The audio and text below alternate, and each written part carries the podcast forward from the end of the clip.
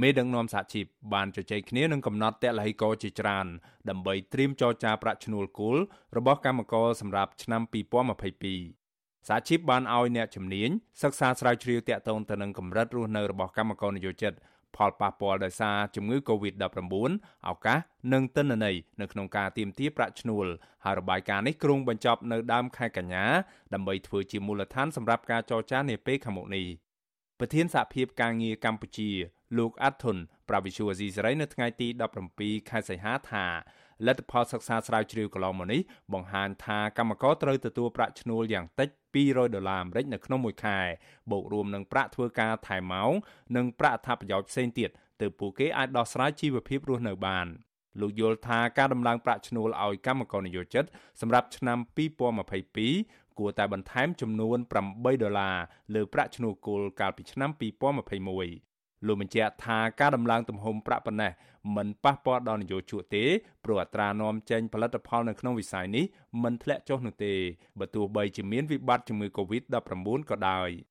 លោកអាត់ធុនគូបញ្ជាក់ថាកម្ពុជាស្ថិតនៅក្នុងចំណោមប្រទេសដែលផ្ដល់ប្រាក់ឈ្នួលគោលនៅមានកម្រិតទាបនៅឡើយហើយការបង់ប្រាក់បេឡារបបសន្តិសុខសង្គមតិចតួច ជាពិសេសរដ្ឋាភិបាលកាត់បន្ថយថ្ងៃបុណ្យថែមទៀតស្របពេលដែលនយោជកមិនដែលបង្ហាញព័ត៌មានឬរបាយការណ៍អំពីដំណាភាពនៃចំណូលចំណាយរបស់ខ្លួននោះឡើយ។ យោជកដូចជាខាតទេយោជកណាតាំងពីខ្ញុំធ្វើការជិត20ឆ្នាំគាត់និយាយខាតរហូតប៉ុន្តែគាត់កសាងអាគាររោងចក្រគាត់ពីមួយកន្លែងទៅពីកន្លែងពីតំបន់ឧស្សាហកម្មមួយទៅតំបន់ឧស្សាហកម្មមួយពីអ្នកចំនួនតូចទៅអ្នកចំនួនធំអីគាត់គាត់មានគាត់ប៉ុន្តែរឿងជាក់ស្ដែងដែលដែលគាត់ប្រាប់យើងគាត់ថាខាត់រហូតហើយជាអកុសលដែរនៅក្នុងវិស័យនេះយោជកអត់ដែលបង្ហាញព័ត៌មានពិតអំពីតម្លាភាពនៃចំណូលចំណាយរបស់ខ្លួនទេ ជាមួយគ្នានេះដែរប្រធានសម្ព័ន្ធសហជីពកម្ពុជា អ្នកស្រីយ៉ាងសុភ័ណ្ឌមានប្រសាសន៍ថាសហជីព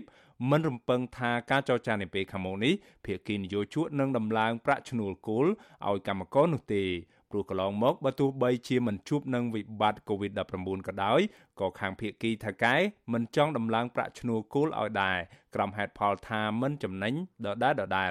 អ្នកស្រីបន្តថាស្ថានភាពបច្ចុប្បន្ននេះកម្មករកំពុងតែប្រឈមនឹងបញ្ហាសេដ្ឋកិច្ចជាខ្លាំងដូច្នេះហើយអ្នកស្រីស្នើសុំឲ្យយកចិត្តទុកដាក់ទៅលើកម្មករខណៈថៅកែរោងចក្រព្យាយាមកាត់បន្ថយប្រាក់អត្ថប្រយោជន៍របស់កម្មករនៅក្នុងស្ថានភាពលំបាកលំបិននេះអ្នកស្រីស្នើសុំឲ្យគ្រប់ភាគី គួរតែជជែកឲ្យបានគ្រប់ជ្រុងជ្រោយដោយផ្អែកលើមូលដ្ឋានច្បាប់និងការសិក្សាស្រាវជ្រាវច្បាស់លាស់ដើម្បីរកដំណោះស្រាយរួមដោយដំឡើងប្រាក់ឈ្នួលឲ្យកម្មករនិយោជិតនៅក្នុងកម្រិតសមរម្យខ្ញុំយល់ឃើញថាចរចាប្រាក់ឈ្នួលឆ្នាំនេះត្រូវតែមានការចរចាហើយការចរចាទៀតសោតបើសិនណាយើងលើកអំពីហេតុផលនៃផលលំបាករបស់កម្មករយើងស្ដាប់ផលលំបាករបស់នយោជកតើអ្នកណាធ្ងន់ជាងអ្នកណាហើយអញ្ចឹងបានស្នើសុំថាត្រូវតែមានការជជែកគ្នាហើយបន្ទាប់មកត្រូវតែមានការដំឡើងប្រាក់ឈ្នួលជូនកម្មករអាចថាក្នុងកម្រិតណាមួយវិសុវអេស៊ីស្រីមិនអាចតាក់ទងแนะនាំពាក្យក្រសួងកាងារនិងបណ្ដុះបណ្ដាលវិជ្ជាជីវៈលោកហេងសួរដើម្បីបញ្ជាក់អំពីរឿងនេះបាននៅឡើយទេ នៅថ្ងៃទី17ខែសីហាដោយទូរស័ព្ទហៅចូលតែពុំមានអ្នកទទួល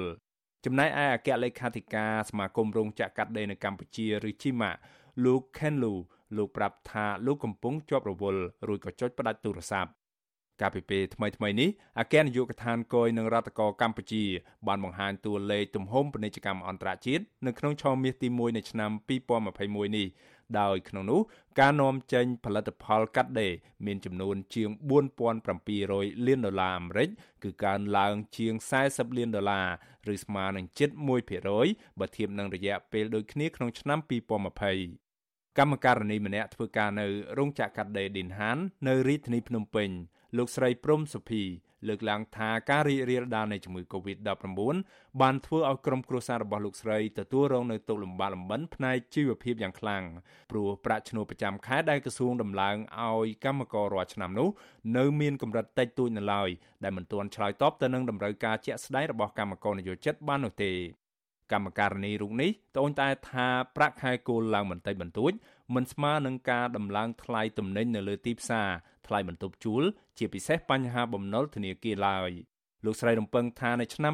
2022ខាងមុខនេះក្រសួងនឹងសម្របសម្រួលឲ្យកម្មករនិយោជិតទទួលបានប្រាក់ឈ្នួលគោលខ្ពស់ជាងមុន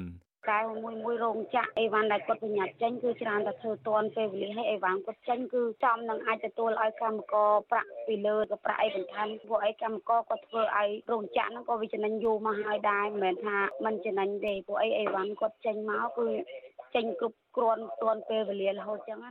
ជារៀងរាល់ឆ្នាំក្រមប្រឹក្សាជាតិកំណត់ប្រាក់ឈ្នួលអបបរមា កំណត់យកខែកក្កដាដើម្បីពិភាក្សាប្រាក់ឈ្នួលអបបរមាលក្ខណៈផ្ទៃក្នុងរបស់ភាគីនីមួយៗហើយយកខែសីហាសម្រាប់ពិភាក្សាទ្វេភាគីនិងត្រីភាគីរីឯនៅខែកញ្ញាវិញពួកគេនឹងបើកកិច្ចប្រជុំក្រុមប្រឹក្សាជាតិកំណត់ប្រាក់ឈ្នួលអបបរមាដើម្បីសម្រេចប្រាក់ឈ្នួលរបស់កម្មករនិយោជិតផ្នែកវិស័យវាយនភ័ណ្ឌកាត់ដេរនិងផលិតផលស្បែកជើងសម្រាប់ឆ្នាំបន្ទាប់កាលពីឆ្នាំ2021កន្លងទៅ រដ្ឋាភិបាលបានដំឡើងប្រាក់ឈ្នួលអបបរមាសម្រាប់កម្មករនិយោជិតផ្នែកវិស័យវាយនភ័ណ្ឌកាត់ដេរនិងផលិតផលស្បែកជើងពី190ដុល្លារក្នុងមួយខែទៅ192ដុល្លារនៅក្នុងមួយខែបើគិតរួមទាំងប្រាក់អត្ថប្រយោជន៍ផ្សេងៗដែលមានស្រាប់ជាមធ្យមកម្មករនិយោជិតម្នាក់ម្នាក់ទទួលបានប្រាក់ចំណូលយ៉ាងតិចពី250ដុល្លារដល់300ដុល្លារនៅក្នុងមួយខែ របាយការណ៍របស់ក្រមសហជីពកាលពីពេលថ្មីៗនេះបង្ហាញថាកម្មករនិយោជិតដែលធ្វើការនៅក្នុងវិស័យកាត់ដេរសម្លៀកបំពាក់និងស្បែកជើងបានបាត់បង់ប្រាក់ឈ្នួលប្រមាណ109លានដុល្លារអាមេរិកនៅក្នុងអំឡុងពេលនៃការរាតត្បាតជំងឺ Covid-19 និងការបិទគប់នៅចន្លោះខែមេសានិងខែឧសភាដោយសារនយោជកមិនបានផ្ដល់ប្រាក់ឈ្នួលទាំងនោះឲ្យពួកគាត់ របាយការណ៍ដដែលឲ្យដឹងទៀតថាគួបផ្សំទៅនឹងប្រាក់ឈ្នួលនិងប្រាក់អតីតភាពការងាររយៈពេល13ខែដំបូងនៃការរាតត្បាតជំងឺ Covid-19 ដែលនយោជកជំពាក់កម្មករផង ការខាត់បងសម្រាប់កម្មករនយោជិតមានជិត400លានដុល្លារ ជាមួយគ្នានេះក្រមសហជីពទទូចដល់ក្រុមហ៊ុនបញ្ជាទិញធំធំនិងម៉ាកយីហោល្បីៗឲ្យជួយអន្តរាគមន៍ចំពោះការកេងប្រវ័ញ្ចអត្ថប្រយោជន៍របស់កម្មករនយោជិតព្រោះកន្លងទៅក្រុមហ៊ុនធំធំទាំងនោះមិនបានជួយដោះស្រាយករណីរំលោភបំពានសិទ្ធិការងារនេះទេ